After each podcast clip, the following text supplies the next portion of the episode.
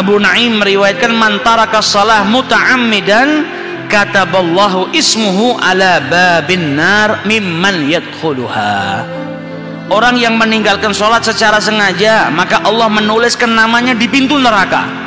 Dituliskan oleh Allah sebagai orang yang kelak akan memasuki ke dalam nerakanya Allah subhanahu wa ta'ala wa billah jadi orang yang kepingin jauh daripada nerakanya Allah jangan tinggalkan sholat kalau dia ninggalkan sholat berarti dia secara sengaja mencantumkan namanya di pintu neraka. Karena sudah diingatkan sama Allah Subhanahu wa taala. Orang yang meninggalkan sholat berarti dia adalah orang yang secara sengaja menginginkan namanya ditulis di pintu nerakanya Allah Subhanahu wa taala dan kelak masuk ke dalamnya wa. Seorang ayah yang sayang kepada anaknya berarti dia harus jaga anaknya. Jangan sampai nama anaknya tertulis di pintu nerakanya Allah. Berarti datang waktu sholat ingatkan anak kita. Jangan sampai biarkan anak kita itu meninggalkan sholat. Jangan sampai biarkan istri kita meninggalkan sholat. Jangan sampai kita biarkan keluarga kita meninggalkan sholat. Apa pun itu mau dalam keadaan dia sakit bangunkan dengan lemah lembut. Bantu dia untuk melaksanakan sholat kalau sedang sedang sakit mau dia capek tidurnya kemalaman datang waktu subuh bangunkan. Karena kalau kita nggak bangunkan dengan alasan kesian atau capek kita kesian sama dia di dunia tapi kita nggak kesian sama dia di akhirat. Kita membiarkan namanya tercantum di pintu nerakanya Allah subhanahu wa ta'ala. Wa billah justru yang sayang itu membangunkan supaya apa? Lebih baik kau susah payah di dunia daripada kau mendapatkan siksa di, di nerakanya Allah subhanahu wa ta'ala. Wa billah diriwayatkan juga oleh Al-Asbahani. Man taraka salah muta'ammidan barang siapa yang yang meninggalkan salat secara sengaja habitallahu amalahu maka amalnya semuanya akan rusak. Amalnya tidak diterima oleh Allah Subhanahu wa taala. Dan dia pun terbebas daripada zimmahnya Allah Subhanahu wa taala. Hatta yarjullaha azza wa jal taubah. Sampai dia bertobat kepada Allah Subhanahu wa taala punya amal banyak tapi sholat ditinggalkan secara sengaja. Hancur semua amalnya. Amalnya semuanya nggak ada yang diterima oleh Allah Subhanahu Wa Taala. Dia menghancurkan amal baiknya. Selama yang dia buat itu dia hancurkan.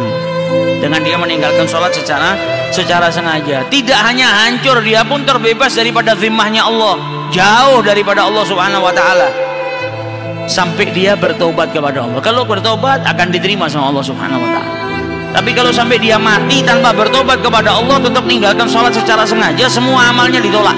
Semua amalnya nggak ada yang diterima sama Allah dia menghancurkan amal kebaikan yang selama ini dia perbuat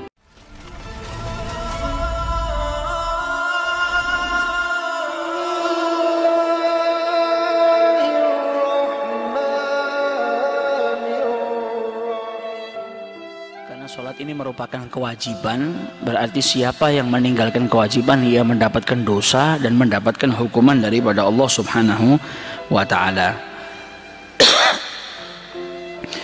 Pada kesempatan yang lalu kita juga sudah bahas bahwasanya sholat itu adalah waktu perjumpaan seorang hamba dengan Allah Subhanahu wa taala. Jadi selain dia merupakan kewajiban yang harus ditunaikan, Salat juga merupakan waktu berjumpaan seorang hamba dengan Tuhannya, dengan Allah Subhanahu wa taala. Kalau sholat merupakan waktu berjumpaan, berarti ketika datang waktu sholat di situ adalah waktu perjumpaan.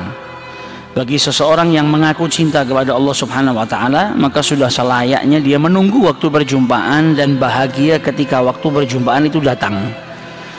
Ketika mendengar Allahu Akbar, Allahu Akbar, Allahu Akbar, Allahu Akbar datang waktu sholat berarti di situ adalah waktu perjumpaan.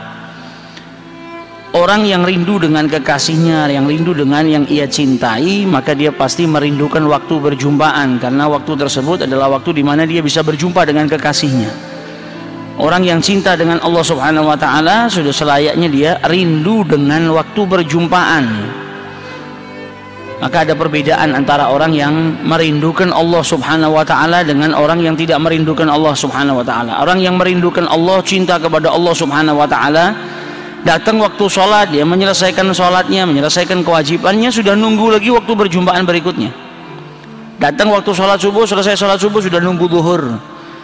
Datang waktu zuhur dia menyelesaikan sholat, nunggu lagi waktu asar datang waktu asar dia menyelesaikan sholat nunggu lagi waktu maghrib. Waktu perjumpaan itu menjadi waktu yang sangat ia tunggu yang sangat ia dambakan.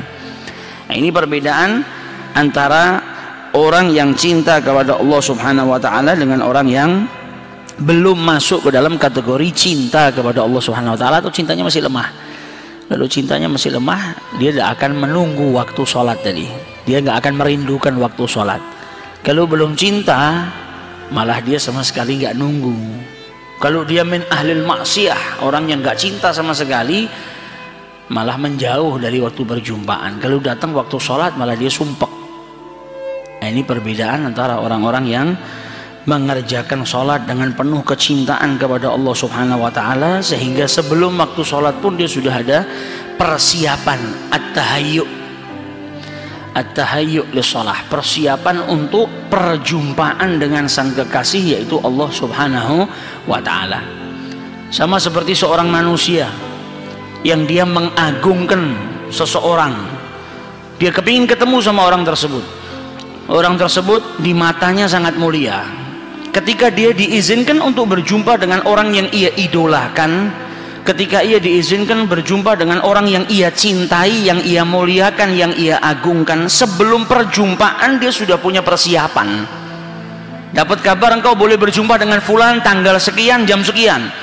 Sebelum perjumpaan sudah mandi terlebih dahulu pakai pakaian yang bagus merapihkan dirinya bersiap-siap untuk berjumpa dengan orang yang ia cintai Begitu juga dengan orang yang cinta kepada Allah.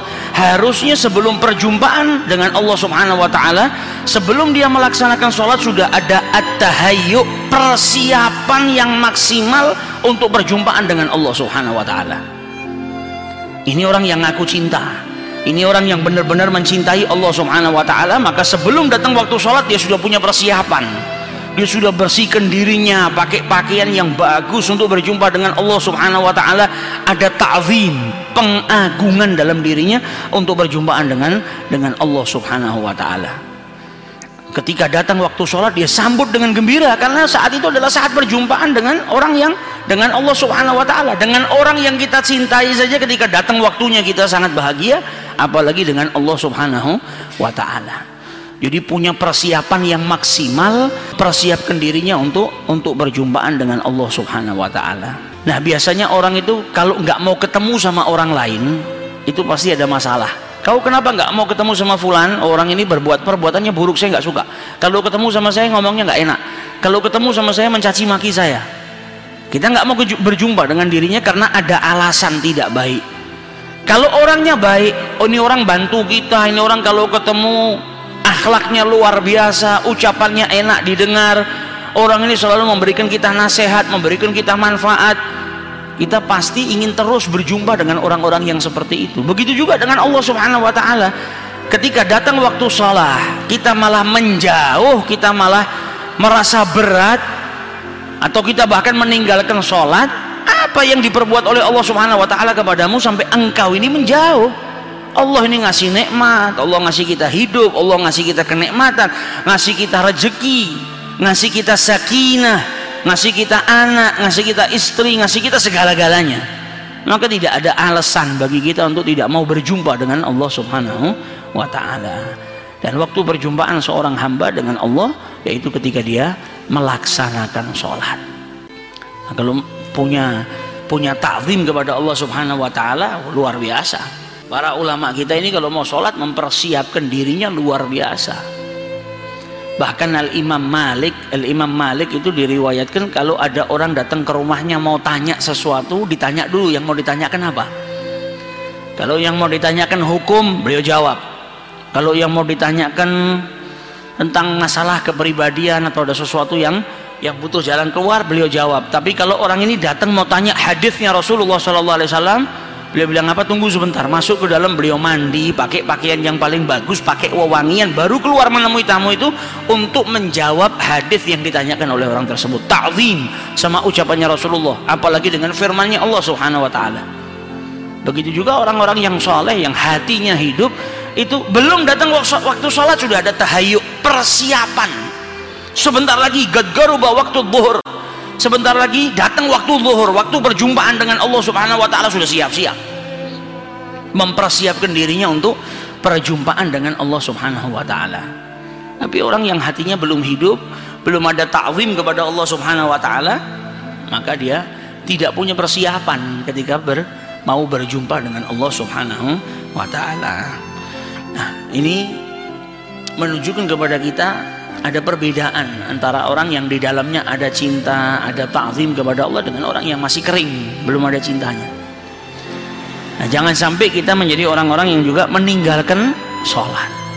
Mengakhirkan saja kan kita nggak nggak ada orang itu mau ketemu sama kekasihnya, mau ketemu sama orang yang paling dia cintai, yang dia tunggu-tunggu waktu perjumpaannya, terus diakhirkan kan nggak ada. Kita sebagai orang tua misalnya, anak pisah jauh daripada kita, anak jauh kerja di luar negeri atau di luar kota, lama nggak ketemu bertahun-tahun. Kerinduan sudah luar biasa. Terus dikabarin anak mau datang itu sudah ada persiapan. Rumahnya dibersihkan dimasakkan kesukaan anaknya supaya apa? Nyambut buah hatinya ini. Nggak ada orang tua yang rindu dengan anaknya. Tadi berkata apa? Sudah jangan datang besok. Lebih baik datang minggu depan aja. Saya belum siap. Nggak ada Begitu juga dengan perjumpaan dengan Allah Subhanahu wa taala. Jangan kita akhirkan waktu perjumpaan ini. Datang waktu sholat, kerjakan terlebih dahulu sholat. Yang lainnya nomor nomor sekian. Sholat nomor satu. Karena itu waktu di mana kita itu terhubung dengan Allah. Sampai dikatakan seperti handphone. Handphone ini kalau bunyi, berarti itu tandanya ada orang yang mau bicara sama kita. Ada telepon masuk, berarti orang yang nelpon ini kan kepingin bicara sama kita. Maka kita angkat, terus kita ajak bicara Begitu juga dengan azan. Kalau dikumandangkan azan berarti saat itu Allah menginginkan engkau terhubung dengannya. Jangan ditunda. Saat ini engkau dipanggil oleh Allah Subhanahu wa taala dan Allah mau engkau saat itu terhubung dengan Allah Subhanahu wa taala. Jangan tunda. Karena itu waktu perjumpaan Lalu Nabi Allah Musa alaihissalam dijuluki kalimullah karena apa? Hijab, sitarah, penghalangnya itu sudah diangkat sama Allah. Jadi dia bisa mendengar apa yang diucapkan oleh Allah Subhanahu wa taala, bisa berbicara dengan Allah Subhanahu wa taala. Kita sebagai manusia hamba, hamba Allah Subhanahu wa taala, kita juga berbicara dengan Allah Subhanahu wa taala. Tapi kita punya hijab. Manusia nggak bisa mendengarkan Allah Subhanahu wa taala saat dia masih hidup. Saat dia di muka bumi nanti di surga baru dia bisa mendengarkan langsung apa yang difirmankan atau diucapkan oleh Allah Subhanahu wa taala. Tapi waktu sholat adalah waktu dia bermunajat kepada Allah Subhanahu wa taala. Apa yang dia diucapkan dibalas oleh Allah Subhanahu wa taala. Dalam hadis diriwayatkan ketika seorang hamba membaca suratul Fatihah, membaca alhamdulillahirabbil alamin, dijawab oleh Allah hamidani abdi hambaku saat ini sedang bertahmid bersyukur kepadaku. Kita lanjutkan baca ayat berikutnya. Ar-rahman ar-rahim. Asna alayya abdi dijawab oleh Allah. Maliki yaumiddin atau dengan kiraat yang lain maliki yaumiddin majadani abdi. Dibalas ada dialog antara seorang hamba dengan Allah. Kita baca surat surat daripada Al-Quran. Kan kita baca firmannya Allah. Berarti saat itu Allah sedang berbicara dengan kita kalau Nabi Allah Musa dia dengan derajatnya bisa mendengar kalau kita walaupun tidak mendengar saat itu kita di dalam derajat atau makom muka lama sedang bermunajat dengan Allah subhanahu wa ta'ala. Maka jangan sampai kita malah menghindar dari waktu berjumpaan dengan Allah.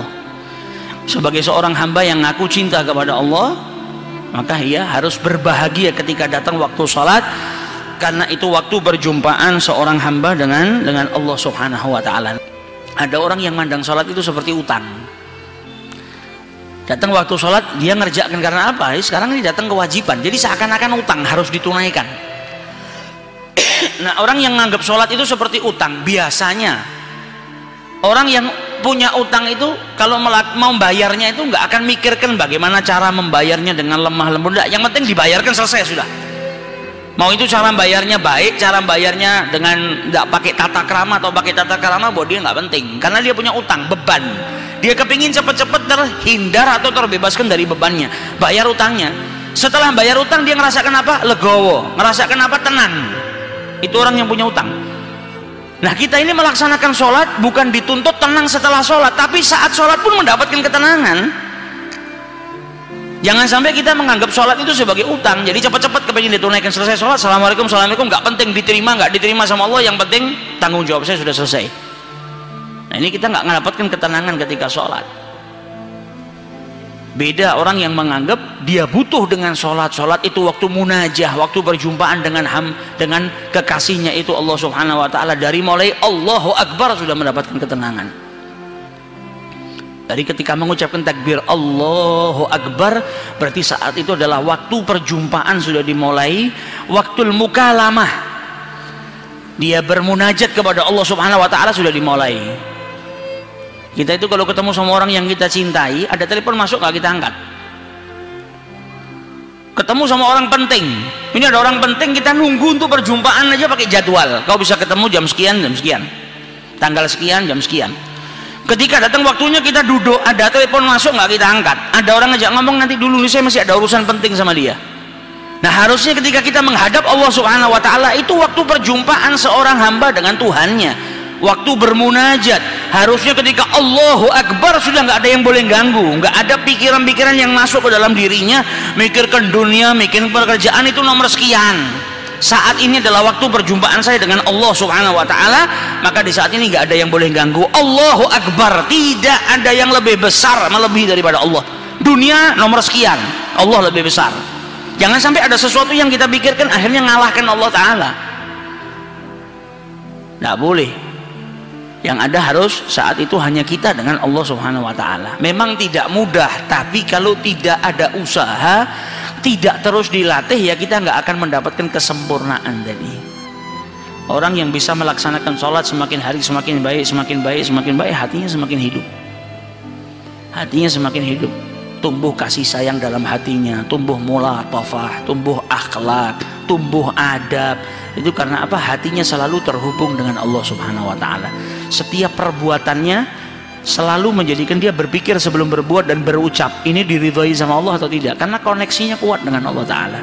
Tapi orang yang terputus koneksinya dengan Allah amal perbuatannya seperti hubar seperti debu. Gak ditimbang. Kadang melakukan baik kadang melakukan buruk. Tapi orang yang koneksinya kuat dengan Allah sadar kalau dia sedang dilihat sama Allah dipantau sama Allah Subhanahu wa taala dia akan jaga dirinya Makanya dikatakan as-salah tanha 'anil fahsya'i wal munkar karena orang yang melaksanakan salat orang itu terhubung dengan Allah, menyadari kalau dirinya selalu dipantau oleh Allah Subhanahu wa taala. Ada perbuatan keji, perbuatan munkar dia menjauh. Karena nggak mau dia dapetin Allah ngelihat dia dalam keadaan dia bermaksiat kepada Allah Subhanahu wa taala. Dan ketika datang waktu kewajiban dia nggak mau jangan sampai Allah itu melihat saya tidak melakukan kewajiban yang diperintahkan oleh Allah Subhanahu wa taala. Nah, ini seorang hamba yang hatinya hidup hatinya selalu terkoneksi dan hubungannya kuat dengan Allah Subhanahu wa taala. Diriwayatkan oleh Bazar dan ghairuhu dan yang lainnya dengan sanad yang hasan dari Ibnu Abbas radhiyallahu anhuma. Sepupunya Rasulullah sallallahu alaihi wasallam, Abdullah Ibnu Abbas ketika dia terkena sakit sehingga pandangan matanya ini nggak nampak jelas maka ada salah seorang yang mendatangi beliau dan berkata apa nudawika? Saya mau obatin dirimu. Wa salah tapi tinggalkan sholat. Ini butuh waktu yang lama untuk ngobatin dirimu ini. Ini kita harus meninggalkan sholat sesaat dulu untuk ngobatin penglihatanmu. Maka dijawab oleh Ibnu Abbas la saya nggak mau meninggalkan sholat. Rasulullah SAW bersabda man tarakas salah barang siapa yang meninggalkan sholat laqiyallahu wa huwa alaihi ghadban. Maka kelak dia akan berjumpa dengan Allah dan Allah dalam keadaan murka dengan dirinya. Saya nggak mau ninggalin sholat. Jadi orang-orang yang mulia ini hatta sakit nggak pernah meninggalkan sholat. Dan memang tidak ada alasan untuk meninggalkan sholat. Selagi ruh masih di dalam tubuhnya dia dalam keadaan sadar dia bisa melaksanakannya wajib baginya melaksanakan sholat. Nggak bisa berdiri duduk nggak bisa duduk berbaring nggak bisa menggerakkan anggota tubuhnya inhina. Sampai bisa dengan mata kalau mau sujud mau ruku cuma dengan dengan menggerakkan matanya. Kalau menggerakkan mata pun juga tidak bisa pakai hatinya. Jadi nggak ada nggak ada waktu di mana kita diperbolehkan untuk meninggalkan sholat. Tetap diwajibkan selagi akal kita masih sadar. Kita diwajibkan untuk meninggalkan sholat. Dan mereka dalam keadaan seperti apa pun luar biasa sampai sakit sakitnya bahaya ini kalau diobatin kita harus meninggalkan sholat Ya, beliau katakan apa? Lah, demi Tuhan saya nggak mau meninggalkan sholat. Karena Rasul Shallallahu Alaihi Wasallam bersabda, barang siapa yang meninggalkan sholat, kelak ia berjumpa dengan Allah Subhanahu Wa Taala dan Allah dalam keadaan murka. Apa enaknya kita berjumpa dengan Allah, sedangkan Allah sedang murka kepada diri kepada diri kita.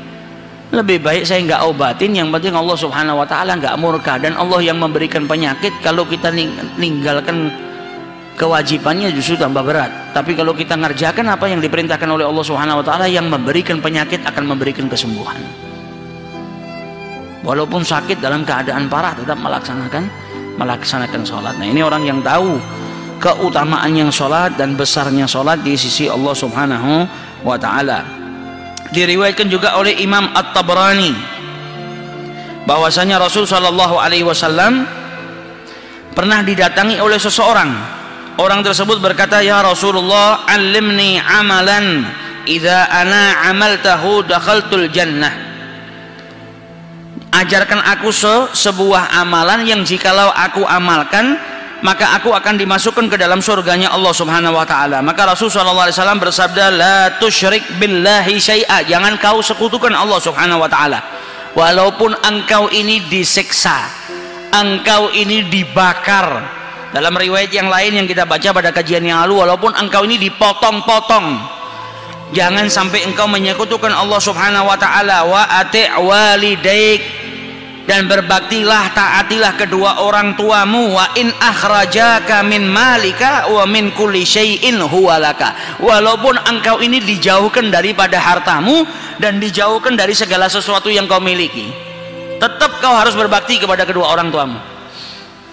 Walaupun orang tuamu itu sampai menjauhkanmu daripada daripada hartamu atau daripada sesuatu yang kau miliki. Nggak boleh kau itu berbuat buruk kepada orang tuamu taati tetap orang tuamu. Apa pun yang dilakukan oleh kedua orang tuamu jangan sampai menjadikan engkau berbuat buruk kepada mereka atau menjadi anak yang durhaka. Wala taturk sholah. Dan jangan sampai kau meninggalkan sholat muta'ammidan dalam keadaan sengaja. Fa inna man taraka shalah sesungguhnya barang siapa yang meninggalkan salat muta'ammidan sengaja maka dia telah terbebas atau keluar daripada zimmatullah dari zimmahnya Allah Subhanahu wa taala. Diusir dia. Terusir. Naudzubillahi min min dzalik dan dalam riwayat yang lain dengan sanad yang sahih jangan sampai engkau menyekutukan Allah Subhanahu wa taala walaupun engkau dibunuh atau engkau dibakar dan jangan sampai engkau durhaka kepada kedua orang tuamu walaupun engkau itu dijauhkan oleh kedua orang tuamu itu daripada hartamu dan juga daripada keluargamu. Dan janganlah engkau tinggalkan sholat maktubah sholat lima waktu yang diperintahkan muta'ammidan dalam keadaan sengaja Sesungguhnya barang siapa yang meninggalkan sholat maktubah secara sengaja, dia terbebas daripada zimmahnya Allah Subhanahu wa taala. Jangan minum khamr kata Rasulullah wasallam, fa innahu sesungguhnya barang siapa yang meminum khamr itu perbuatan minum khamr itu ra'su kulli adalah kepala atau pangkal daripada setiap setiap perbuatan keji. Jadi orang yang minum khamr ini akan berbuat berbuat banyak kemaksiatan, berbuat keji. Karena itu pangkal daripada perbuatan keji. Wa iyyaka wal maksiyah. Jangan sampai berbuat maksiat. Hati-hati dengan perbuatan maksiat. Fa inna bil maksiyah sesungguhnya dengan perbuatan maksiat itu akan menjadikan Allah murka kepadamu. Jadi jangan sampai kita berbuat maksiat, perbuatan maksiat itu akan jadikan kita dimurkai oleh Allah Subhanahu wa taala. Ini wasiatnya Rasulullah kalau orang mau masuk surga jangan sampai nyekutukan Allah subhanahu wa ta'ala. Jangan sampai tinggalkan sholat. Jangan minum khamr. Jangan durhaka kepada kedua orang tua. Perbuatan-perbuatan ini kalau kita jauhi dan kita kerjakan apa? Tidak menye, tidak menyekutukan Allah tidak minum khamr mengerjakan sholat lima waktu berbakti kepada kedua orang tua. Perbuatan-perbuatan ini yang akan menjadikan kelak kita dimasukkan ke dalam ke dalam surganya Allah subhanahu wa ta'ala Salah seorang sahabat Rasul Shallallahu Alaihi Wasallam diriwayatkan pernah memberikan air wudhu kepada Rasul Shallallahu Alaihi Wasallam. Jadi Rasulullah berwudhu dia menuangkan air wudhu tersebut kepada kepada Rasul Shallallahu Alaihi Wasallam. Kemudian dia berkata, "Ausini wasiatkan kepadaku ya Rasulullah maka apa jawab Rasulullah jangan sekutukan Allah subhanahu wa ta'ala gak boleh menyekutukan Allah subhanahu wa ta'ala walaupun engkau dipotong-potong engkau dibakar dengan api jangan sampai engkau itu ber, berbuat buruk atau al-uguk kurang ajar durhaka kepada kedua orang tuamu. Walaupun engkau ini sampai diperintahkan untuk menyendiri menjauh daripada keluargamu menjauh daripada duniamu menjauh daripada harta-hartamu. Jangan sampai engkau ini durhaka kepada mereka berdua.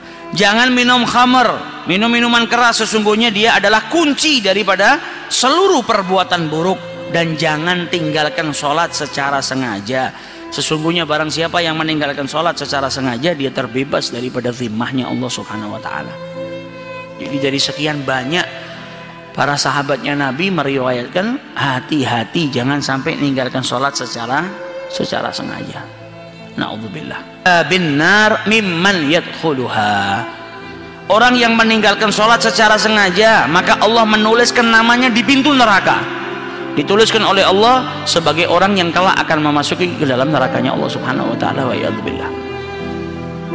jadi orang yang kepingin jauh daripada nerakanya Allah jangan tinggalkan sholat. Kalau dia ninggalkan sholat berarti dia secara sengaja mencantumkan namanya di pintu neraka.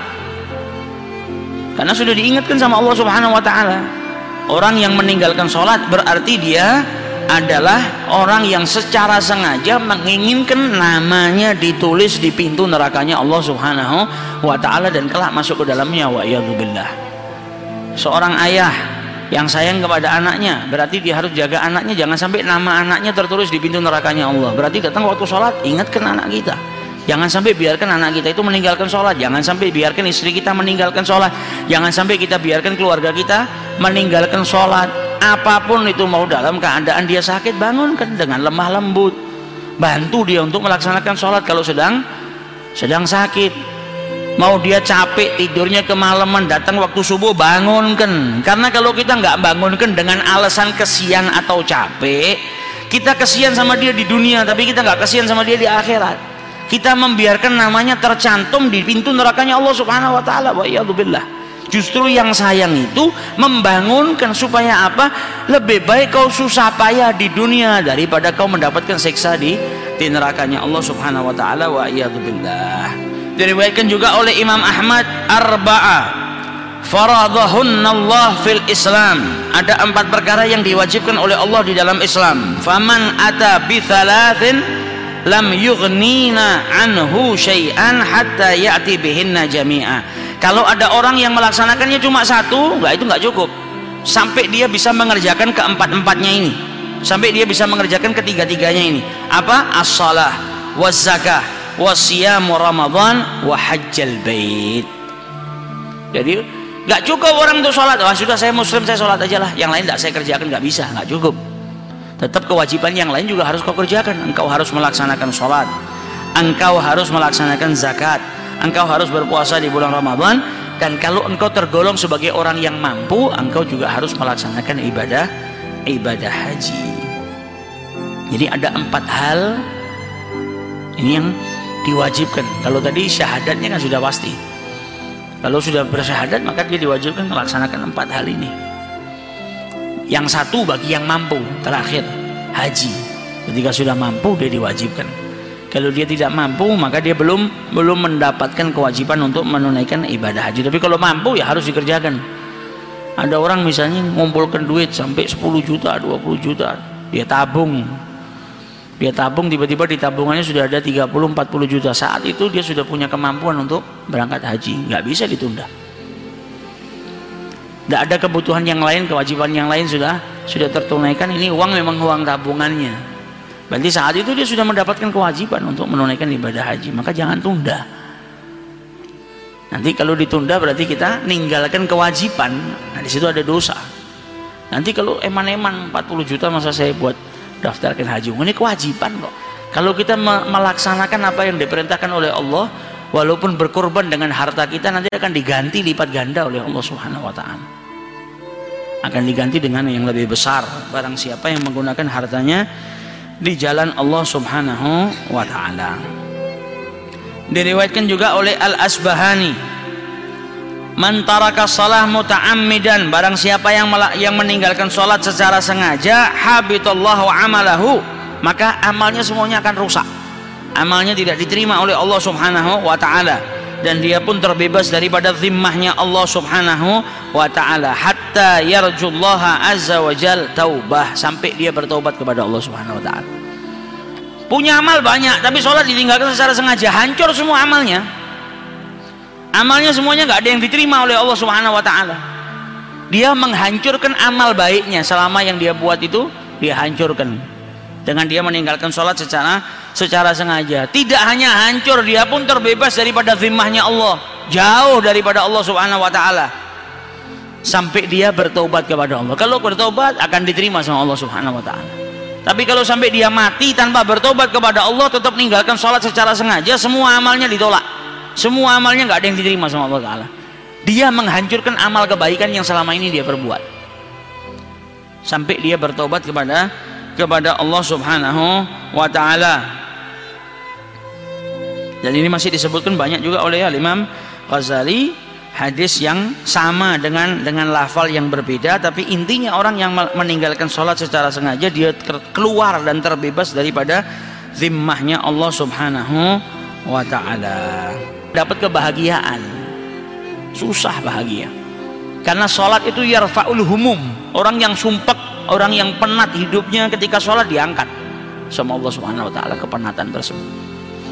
Tapi kalau dia ninggalin sholat nggak ada enak-enaknya kalau dia ninggalin sholat sumpek malah tambah sumpek orang yang ninggalin sholat maupun dia ahli maksiat kayak apa setiap kali datang waktu sholat dia ninggalkan pasti ada perasaan tidak enak yang bikin hidupnya nggak enak tetap ada walaupun dia ahli maksiat walaupun dia orang yang bejat sekalipun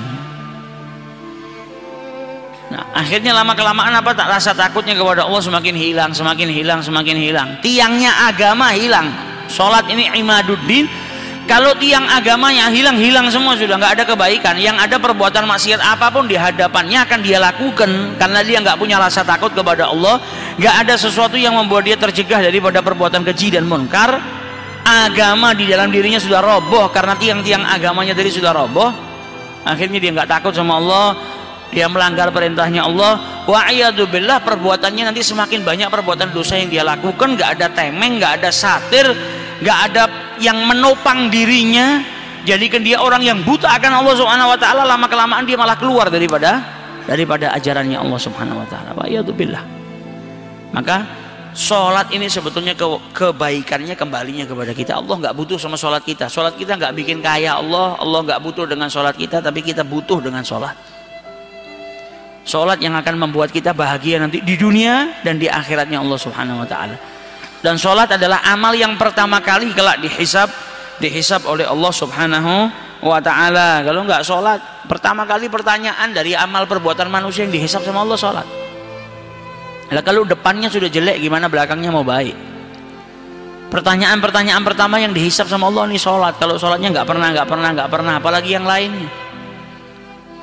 Sholat waktu penghubung antara seorang hamba dengan Tuhannya. Nggak pernah terhubung. Gimana dia mau sadar hatinya hatinya ini nggak pernah terkoneksi dengan Allah Subhanahu Wa Taala. Ya jauh daripada kebaikan.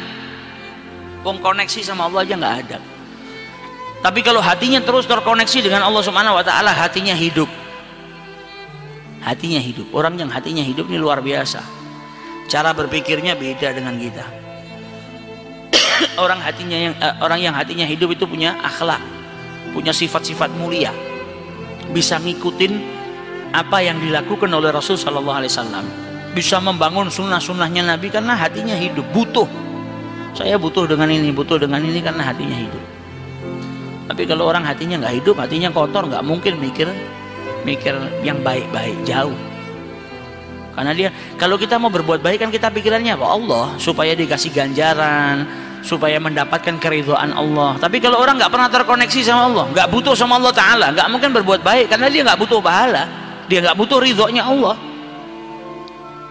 makanya nggak ada koneksi bikin orang semakin jauh daripada Allah Subhanahu Wa Taala tapi kalau hubungannya baik dengan Allah setiap amal perbuatannya selalu dia timbang gimana caranya apa yang keluar dari lisan saya dan apa yang saya perbuat itu mendatangkan keridhaan Allah Subhanahu wa taala. Makanya kalau kita lihat kisahnya orang-orang soleh ini kan luar biasa. Cara pandangnya, cara berpikirnya berbeda dengan kita karena hubungannya terkoneksi kuat dengan Allah Subhanahu wa taala. Apa yang dipikirkan hanya Allah. Apa yang dilakukan untuk mendapatkan keridhaan Allah Subhanahu wa taala. Apa yang diucapkan tujuannya untuk mendapatkan keridhaannya Allah. Jangan sampai ucapan saya nggak bermanfaat karena ucapan yang nggak bermanfaat nanti buang-buang waktu ucapan saya harus mendatangkan kebaikan. Ucapan saya bagian daripada amal. Berarti saya kalau punya uang nggak mau saya keluarkan sia-sia. Maunya uang saya itu gimana caranya kalau saya keluarkan mendatangkan keuntungan atau uang yang lebih besar. Begitu juga dengan ucapan dan amal. Saya nggak mau beramal kecuali yang mendatangkan pahala yang besar yang akan membuat saya bahagia nanti di akhiratnya Allah subhanahu wa ta'ala. Ini orang yang koneksinya kuat sama Allah ta'ala. Punya timbangan mizan yang nimbang daripada amal dan dan perbuatannya. Tapi kalau jauh daripada Allah Subhanahu wa taala nggak punya pikiran seperti itu, yang dipikirkan yang enak-enak. Tapi kalau koneksinya kuat sama Allah taala luar biasa. Sedikit-sedikit ingat sama Allah, ingat sama Rasulnya. Sedikit-sedikit ingat sama Allah sama ingat sama Rasulnya. Sampai ada salah seorang ulama ketika berdakwah selesai berdakwah disuguhin makanan, maka dia nangis. Bukannya dimakan tapi nangis. Ketika ditanya engkau kenapa kok menangis? Dia bilang saat ini kita berdakwah disambut dengan makanan, disambut dengan sesuatu yang enak-enak dulu Rasulullah ketika berdakwah disambut dengan hujatan, disambut dengan batu-batuan yang sampai melukai diri beliau. Ini orang yang hatinya hidup, koneksinya kuat. Apa pun yang ada di hadapannya mengingatkan dia sama Allah sama Rasulnya. Saat ini kita enak berdakwah ngajarin orang disambut dengan makanan yang lezat, disambut dengan hadiah, tapi dulu Rasulullah ketika berdakwah disambut dengan hujatan, disambut dengan cacian, disambut dengan bebatuan yang sampai melukai dirinya. Nah, gimana orang ini kok bisa berpikiran seperti itu? Karena hatinya hidup. Yang hatinya nggak hidup dimakan enak, lezat semuanya. Pikirannya apa di dunianya? Tapi orang yang hatinya hidup beda. Cara pandangnya beda, cara berpikirnya beda, hatinya berbeda. Nah ini nggak bisa kita dapetin kecuali kita ngerjakan yang diperintahkan sama Allah Ta'ala dan ditambah dengan sunnah-sunnahnya. Ngerjakan sunnah, wajibnya ditinggalkan nggak bisa. Ngerjakan amal-amal tatawu, tapi amal-amal wajibnya ditinggalkan nggak bisa, nggak akan menghidupkan hati karena saat itu dia dalam keadaan bermaksiat kepada Allah karena meninggalkan kewajibannya. Nah ini salah satu tujuan kita mendirikan perintah sholat supaya hati kita juga hidup. Hati kita punya koneksi yang yang kuat dan kepada kepada Allah Subhanahu wa taala. Dalam Al-Qur'an disebutkan Allah Subhanahu wa taala berfirman Adha'us shalah fa khalafa min ba'dihim khalfun adha'us salata wa adba'us syahwati fa sawfa yalqa ghayy fa sawfa yalqauna ghayyan illa man taba Adha'us salah orang-orang yang meninggalkan sholat. Maksudnya gimana? Ibnu Mas'ud menafsirkan bahwasanya yang dimaksud dengan meninggalkan sholat di sini sehingga mendapatkan ancaman daripada Allah Subhanahu Wa Taala terkecuali bagi mereka yang bertaubat. Bukan meninggalkan sholat terus ditinggalkan nggak dikerjakan. Tapi meninggalkan sholat yaitu dengan apa? Mengakhirkan. Datang waktu sholat dia mengakhirkan tidak sholat sampai keluar daripada waktunya.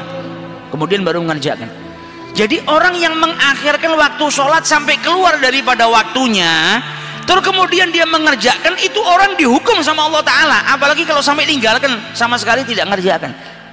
Mengakhirkan saja sampai keluar daripada waktunya itu dosa besar dan akan mendapatkan hukuman dari Allah Subhanahu Wa Taala. Apalagi kalau sampai meninggalkan secara keseluruhannya nggak dikerjakan sama sekali. Wa billah mengakhirkan saja sampai keluar daripada waktunya itu sudah merupakan dosa yang besar. Seperti apa? Wala yusallil asar illa fil maghrib. Nggak sholat asar kecuali setelah datang waktu maghrib. Jadi datang waktu asar dia nanti nanti nanti nanti sampai waktu datang waktu maghrib baru dia sholat. Kemudian tidak datang sholat nggak melaksanakan sholat maghrib kecuali di waktu isya. Ditunda ditunda ditunda sampai keluar daripada waktunya. Kemudian dia masih sholat yang seperti itu pun mendapatkan murkanya Allah. Dapat hukuman daripada Allah. Apalagi sama sekali nggak ngerjakan. Datang waktu asar nggak gubris. Datang waktu maghrib nggak digubris. Datang waktu isya nggak digubris. Nggak melaksanakan sholat. Sudah lebih lebih berkali-kali lipat hukum ini.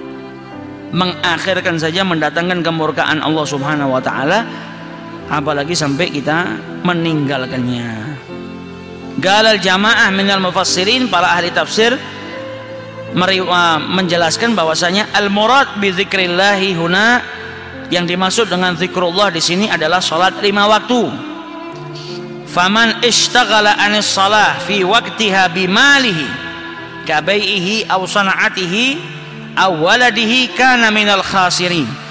Barang siapa yang menyibukkan dirinya daripada sholat dia sibuk mengerjakan sesuatu. Jadi datang waktu sholat dia bukan melaksanakan sholat tapi dia mengakhirkannya sampai keluar daripada waktunya. Kenapa dia mengakhirkannya? Karena dia sibuk-sibuk dengan apa? Dengan jual belinya. Atau dengan produksinya. Dia memproduksi sesuatu. Atau dia sibuk ngurusin anak-anaknya. Maka dia nanti tergolong orang-orang yang khasarah. Orang-orang yang merugi. Rasul sallallahu alaihi wasallam bersabda dalam hadisnya awwalu ma yuhasib bihil abd yaumal qiyamah min amalihi yang pertama kali dihisap oleh Allah Subhanahu wa taala yaitu seorang hamba nanti di hari kiamat yang pertama kali dihisap oleh Allah daripada amal perbuatannya adalah salatnya fa in saluhat kalau sholatnya benar maka dia menjadi orang yang beruntung orang yang mendapatkan keselamatan daripada Allah subhanahu wa ta'ala. Dan barang siapa yang kurang sholatnya fakat khaba wa khasir. Maka dia merupakan orang-orang yang yang celaka dan orang-orang yang mendapatkan kerugian jadi ini harus kita harus kita perhitungkan benar-benar sholat kita. Jangan sampai kita nanti dibangkitkan di hari kiamat menjadi orang yang yang merugi. Allah Subhanahu wa taala berfirman dalam Al-Qur'an fawailun lil musallin. Celaka bagi mereka yang melaksanakan sholat. Duh, orang melaksanakan sholat kalau disebut wail? Kok disebut celaka? Siapa orang yang yang mendirikan sholat tapi celaka?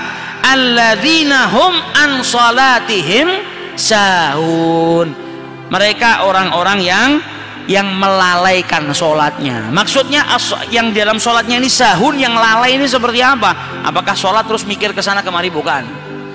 Orang yang dalam sholatnya itu lalai adalah orang yang yuakhiruna sholat an waktiha. Mengakhirkan sholat sampai keluar daripada waktunya.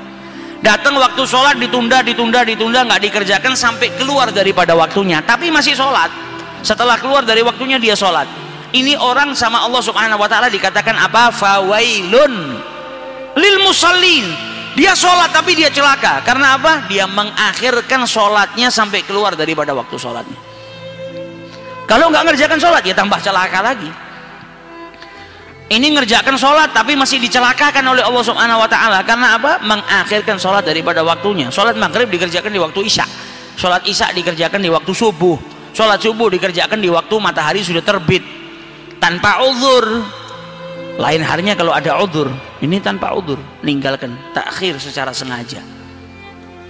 Jadi supaya kita terselamatkan ya datang waktu sholat cepat-cepat sholat karena afdalul amal amal yang paling disukai sama Allah yang paling dicintai sama Allah as-shalah liwaktiha sholat tepat pada waktunya nah kalau kita kebiasaan melakukan sesuatu yang dicintai oleh Allah maka kita akan menjadi orang yang dicintai oleh Allah kalau ada pegawai masuknya kantor tepat waktu pulangnya juga tepat waktu dia sergep dia luar biasa bosnya akan jatuh cinta bosnya akan cinta Begitu juga dengan kita. Kita ini sebagai pegawainya Allah, kalau kita mengerjakan apa yang diperintahkan oleh Allah, bikin senang Allah, yaitu dengan sholat di awal waktunya, kita akan mendapatkan kecintaannya Allah Subhanahu Wa Taala. Sebaik sebaliknya kalau orang malah mengakhirkan, mengakhirkan, mengakhirkan, dia akan mendapatkan murkanya Allah Subhanahu Wa Taala.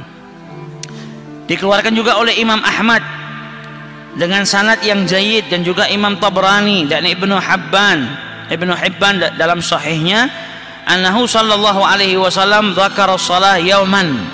Rasul sallallahu alaihi wasallam pernah menyebutkan salat. Pada suatu hari kemudian beliau berkata man hafadha 'alaiha barang siapa yang menjaga salatnya memelihara salatnya maka kelak salatnya akan menjadi nuran menjadi cahaya wa burhanan wa najatan yaumal qiyamah. Akan menjadi cahaya akan menjadi bukti kelak ketika dia di hari kiamat dan akan menjadi penyelamat baginya kelak di hari di hari kiamat. Sebaliknya waman lam yuhafid dan barang siapa yang enggak melihara sholatnya nggak jaga sholatnya dia ninggalkan sholatnya maka kelak di hari kiamat dia tidak mendapatkan cahaya tidak mendapatkan burhan tidak mendapatkan keselamatan di hari kiamat bahkan dia akan digolongkan bersama Qarun wa Fir'aun wa Haman wa Ubay bin Khalaf dia akan digabungkan bersama orang-orang yang dimurkai oleh Allah Subhanahu wa taala Para ulama menjelaskan bahwasanya innama hasyara ma'aha ula dia akan dibangkitkan bersama mereka ini Firaun, Haman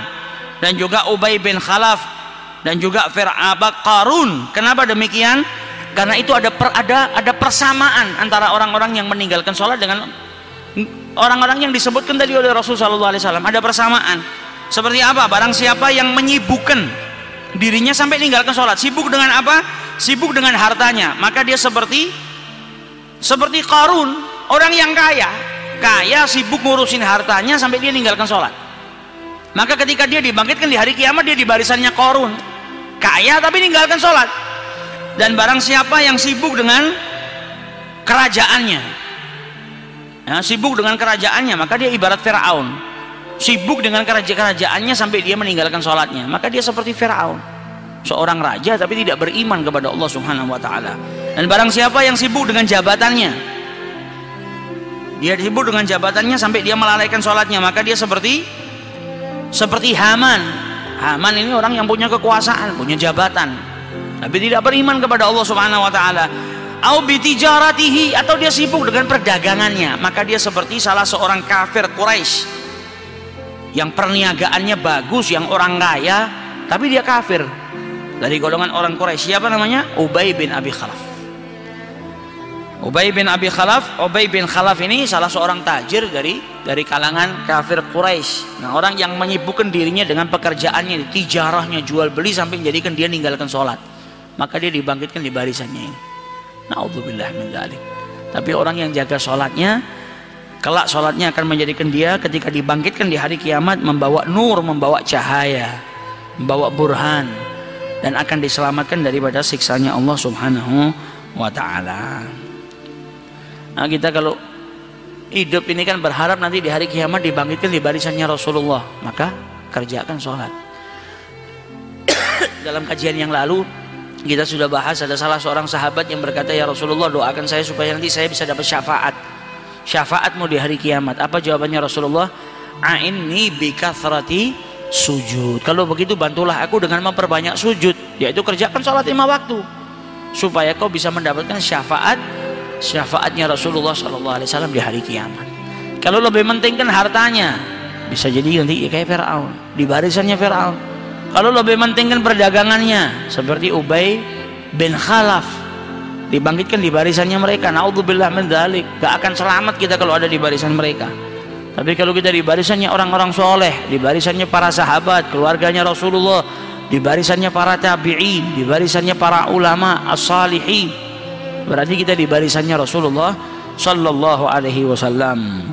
Ibnu Hibban dalam sahihnya juga meriwayatkan manfaatatuhu salah barang siapa yang kehilangan salat atau meninggalkan salat faka'annama watara ahluhu wa malahu. Maka seakan-akan dia itu berbuat buruk kepada keluarganya dan hartanya. Dia mencelakakan keluarganya dan mencelakakan hartanya. Meninggalkan sholat akhirnya menyebabkan keluarganya rusak keluarganya celaka. Hartanya tidak berkah sama sekali gara-gara dia meninggalkan meninggalkan sholat. Begitu juga dengan orang tua yang biarin anaknya meninggalkan sholat. Bukannya sayang tapi justru itu orang tua yang tidak sayang kepada kepada anaknya. Kalau dia sayang kepada anaknya anaknya akan diperintahkan. Datang waktu sholat diingatkan diperintahkan. Tidak rela kalau ada sanak kerabatnya atau keluarganya meninggalkan sholat. Nah, rumah kalau isinya orang yang mengerjakan sholat rumahnya tidak berkah nggak akan nggak akan merasa nyaman. Baik itu penghuninya atau tamu yang masuk dalam rumahnya. Yang tinggal di rumah itu nggak akan merasa nyaman. Yang ada sumpek terus kepinginnya keluar dari rumah. Begitu juga orang yang datang ke rumahnya bertamu nggak betah. Nggak ada cahayanya nggak ada tumak ninah ala bidzikrillah tatmainnul qulub. Dengan berzikir kepada Allah itu hati manusia akan merasa tenang. Nah rumah yang dipakai untuk selalu ingat kepada Allah dirikan sholat berzikir kepada Allah baca Al-Quran bikin orang yang masuk ke dalamnya dapat energinya dapat auranya daripada ketenangan tadi. Betah. Makanya kita kadang masuk rumahnya orang soleh rumahnya nggak bagus tapi kita murtah. Kita betah. Karena apa? Energi yang di dalam rumah tersebut tadi yang yang selalu mendapatkan tumak nina nular ke orang yang masuk. Tapi kalau rumahnya dipakai buat maksiat, rumahnya dipakai orang-orang yang ninggalin sholat, orang-orang yang nggak pernah ingat sama Allah, mau rumahnya mewahnya kayak apa kita masuk nggak seneng. Kita masuk nggak dapat ketenangan. Ini rumahnya enak, tapi kok saya nggak nggak nyaman di sini. Karena rumah tersebut nggak dipakai untuk berzikir dan mendekat kepada Allah Subhanahu wa taala. Man taraka salatul asr Barang siapa yang meninggalkan sholat asar fakat habitu amaluhu dia telah merusak amal perbuatannya amal perbuatannya nggak diganjar oleh Allah subhanahu wa ta'ala. Kebaikannya hangus kebaikannya hilang gara-gara dia meninggalkan sholat asar dalam riwayat yang lain semua sholat tadi kita baca siapa yang meninggalkan sholat secara sengaja dia ngerusak amalnya. Dia menghanguskan amal kebaikannya. Perbuatan baiknya binasa hanya karena dia meninggalkan meninggalkan sholat maka jangan sampai kita rusak perbuatan kita sendiri. Jangan sampai perbuatan baik yang kita sudah lakukan itu kita rusak karena kita meninggalkan perintahnya Allah subhanahu wa ta'ala. Kita meninggalkan sholat yang diperintahkan oleh Allah subhanahu wa ta'ala. Ini sedikit daripada bahaya-bahaya orang yang meninggalkan sholat dan orang yang mengakhirkan sholat tadi kita lihat bagaimana. Bukan meninggalkan sholatnya tapi menunda sholatnya sampai keluar daripada waktunya pun. Kemudian dia sholat tetap mendapatkan hukuman dan mendapatkan murkanya Allah subhanahu wa ta'ala apalagi kalau sampai meninggalkan sama sekali tidak tidak mengerjakannya. Imam Ahmad dan Hakim meriwayatkan man alima anna salah alaihi haq. Barang siapa yang menyadari mengetahui bahwasanya sholat itu adalah kewajiban atau hak yang harus ia tunaikan kepada Allah Subhanahu wa taala dakhalal jannah. Maka dia kelak akan dimasukkan ke dalam surganya Allah Subhanahu wa taala. Awalu ma yuhasib bihil abad yang pertama kali dihisab oleh Allah Subhanahu wa taala daripada amal perbuatan hambanya adalah salat. Kalau baik, kalau sholatnya benar, kalau sholatnya dikerjakan maka dia beruntung dan mendapatkan keselamatan daripada Allah Subhanahu wa taala. Tapi kalau sampai kurang ada sholat yang ditinggalkan dia akan menjadi orang yang merugi. Dikasih umur panjang sama Allah dikasih kesehatan ninggalkan sholat saat ini mungkin dia nganggap dirinya nggak rugi. Apa yang saya rugi tapi nanti di akhirat dia akan menjadi orang yang sangat-sangat merugi. Saat ini mungkin nggak rugi dan terkadang kerugiannya sama Allah dikasih di dunia sebelum di akhirat. Dijadikan keluarganya nggak berkah berantakan cari harta susah. Kadang ada yang istidraj. Nggak ngefek dia nggak ngelihat efeknya di sini tapi di akhiratnya Allah dia akan mendapatkan kerugian yang yang sangat besar Atani Jibril kata Rasulullah telah datang kepadaku Jibril. Min indillah datang daripada Allah Subhanahu wa taala. Kemudian Jibril berkata kepadaku ya Muhammad Inna Allah azza wa jal yagul inni iftarattu ala ummatik khamsa salawat. Allah berkata kepadaku kepadamu wahai Muhammad bahwasanya aku kata Allah subhanahu wa ta'ala telah wajibkan kepada umatmu lima sholat lima waktu sholat yang diwajibkan oleh Allah subhanahu wa ta'ala faman awfa bihinna ala wudu'ihinna. Barang siapa yang mengerjakannya. Lima sholat waktu tadi. Dengan lima dengan wudhu-wudhu yang sempurna. Wa mawaqitihinna dan di tepat pada waktunya. Datang waktu sholat gak pakai nunda. Dikerjakan di awal waktu. Dan dengan rukuk yang sempurna dengan dengan sujud yang sempurna. Maka dikatakan oleh Allah subhanahu wa ta'ala aku memiliki janji jadi janji yang Allah subhanahu wa ta'ala akan berikan kepada mereka orang-orang yang melaksanakan sholat dengan sempurna apa janjinya? Adkhalahul jannah. Akan aku masukkan ke dalam ke dalam surga. Salat lima waktu ngerjakannya dalam keadaan suci, wudhu yang sempurna, rukuknya sempurna, sujudnya sempurna, tepat pada waktunya atau di awal waktunya, maka janjinya Allah orang-orang tersebut akan dimasukkan ke dalam surganya Allah Subhanahu wa taala. Wa man laqiyani qad intaqasa min dzalika syai'an dan barang siapa yang berjumpa denganku kelak di hari kiamat falaisa lahu indi ahdun maka aku enggak punya janji dengannya in Kata Allah kalau aku mau, aku siksa dia. Tapi kalau aku mau, aku juga bisa masukkan dia ke dalam ke dalam surga itu mendapatkan rahmatnya Allah Subhanahu wa taala. Wa in rahim tahu ya aku berikan rahmat kepadanya. Terus kemudian dimasukkan ke dalam ke dalam surganya Allah Subhanahu wa taala. Tapi janjinya Allah nggak ada. bisa jadi orang ini diseksa sama Allah bisa jadi dia tetap mendapatkan rahmatnya Allah subhanahu wa ta'ala sesuai dengan kehendakannya Allah tapi barang siapa yang ngerjakan tepat pada waktunya sesuai dengan apa yang disebutkan dari oleh Allah Subhanahu wa taala, maka Allah punya janji bagi orang tersebut apa? Dimasukkan ke dalam ke dalam surganya Allah Subhanahu wa taala. Ahabbul a'mal ilallah as-salah li waqtiha. Rasulullah bersabda, amal yang paling dicintai oleh Allah adalah salat tepat pada waktunya. Kemudian birrul walidain, berbakti kepada kedua orang tua, kemudian al jihadu fi sabilillah, jihad di jalan Allah Subhanahu wa taala. Kemudian ada riwayat yang lain dengan lafal yang berbeda tapi sama. Dia tanya kepada Rasulullah, amal apa yang paling dicintai oleh Allah? Itu yang pertama sholat tepat pada waktunya. Kemudian barang siapa yang meninggalkan sholat maka dia tidak seperti tidak beragama maka dia tidak beragama karena sholat itu adalah tiang daripada agama. Kemudian setelah sholat apa berbakti kepada kedua orang tua dan berjihad di jalannya Allah Subhanahu wa taala.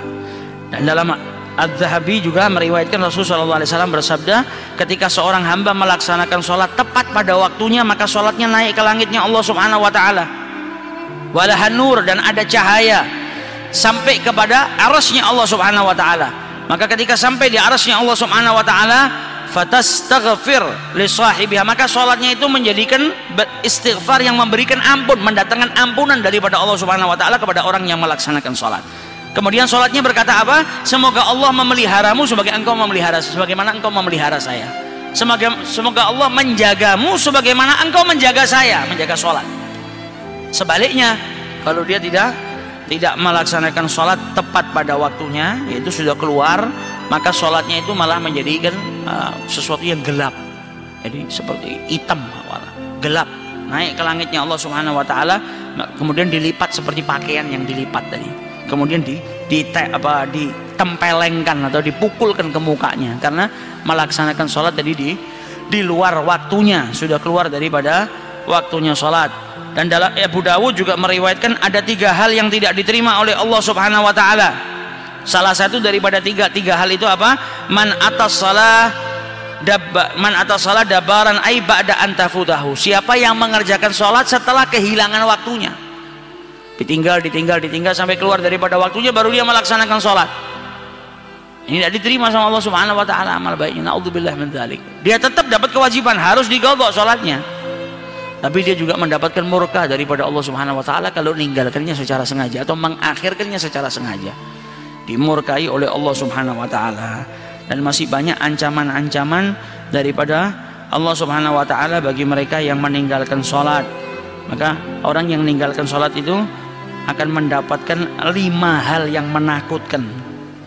Atau lima hal yang tidak baik ketika dia hidup di bumi ini. Apa? Yang pertama hidupnya sempit nggak dapatkan rezeki yang luas nggak dapatkan enak-enak.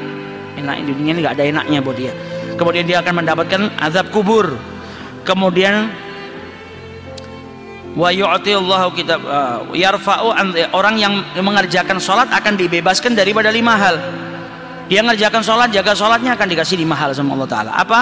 yang pertama kesempitan dalam kehidupannya akan diangkat. Jadi hidupnya enak, hidupnya nyaman, hidupnya bahagia. Kemudian dijauhkan daripada siksa kubur kemudian yang ketiga kitabnya nanti di hari kiamat akan diberikan oleh Allah Subhanahu Wa Ta'ala dengan dengan kanannya. Jadi orang kalau sudah menerima kitabnya dengan tangan kanannya berarti dia orang yang selamat. Orang yang akan dimasukkan dalam surganya Allah Subhanahu wa taala. Wa yamur ala sirat kal burak. Dan dia akan melewati sirat al mustaqim dari cepatnya seperti burak. Diselamatkan oleh Allah Subhanahu wa taala. Wa yadkhul jannah bi ghairi hisab. Dan akan masuk ke dalam surganya Allah tanpa hisab sebaliknya orang yang meninggalkan sholat yang menyepelekan sholat maka dia akan diberikan hukuman oleh Allah 15 hukuman. 15 hukuman ini yang lima di dunia yang tiga saat dia mati mati yang tiga lagi di dalam kubur yang tiga lagi saat dia keluar daripada kuburan atau saat dia dibangkitkan nanti di di yaumil kiamah. Na'udzubillah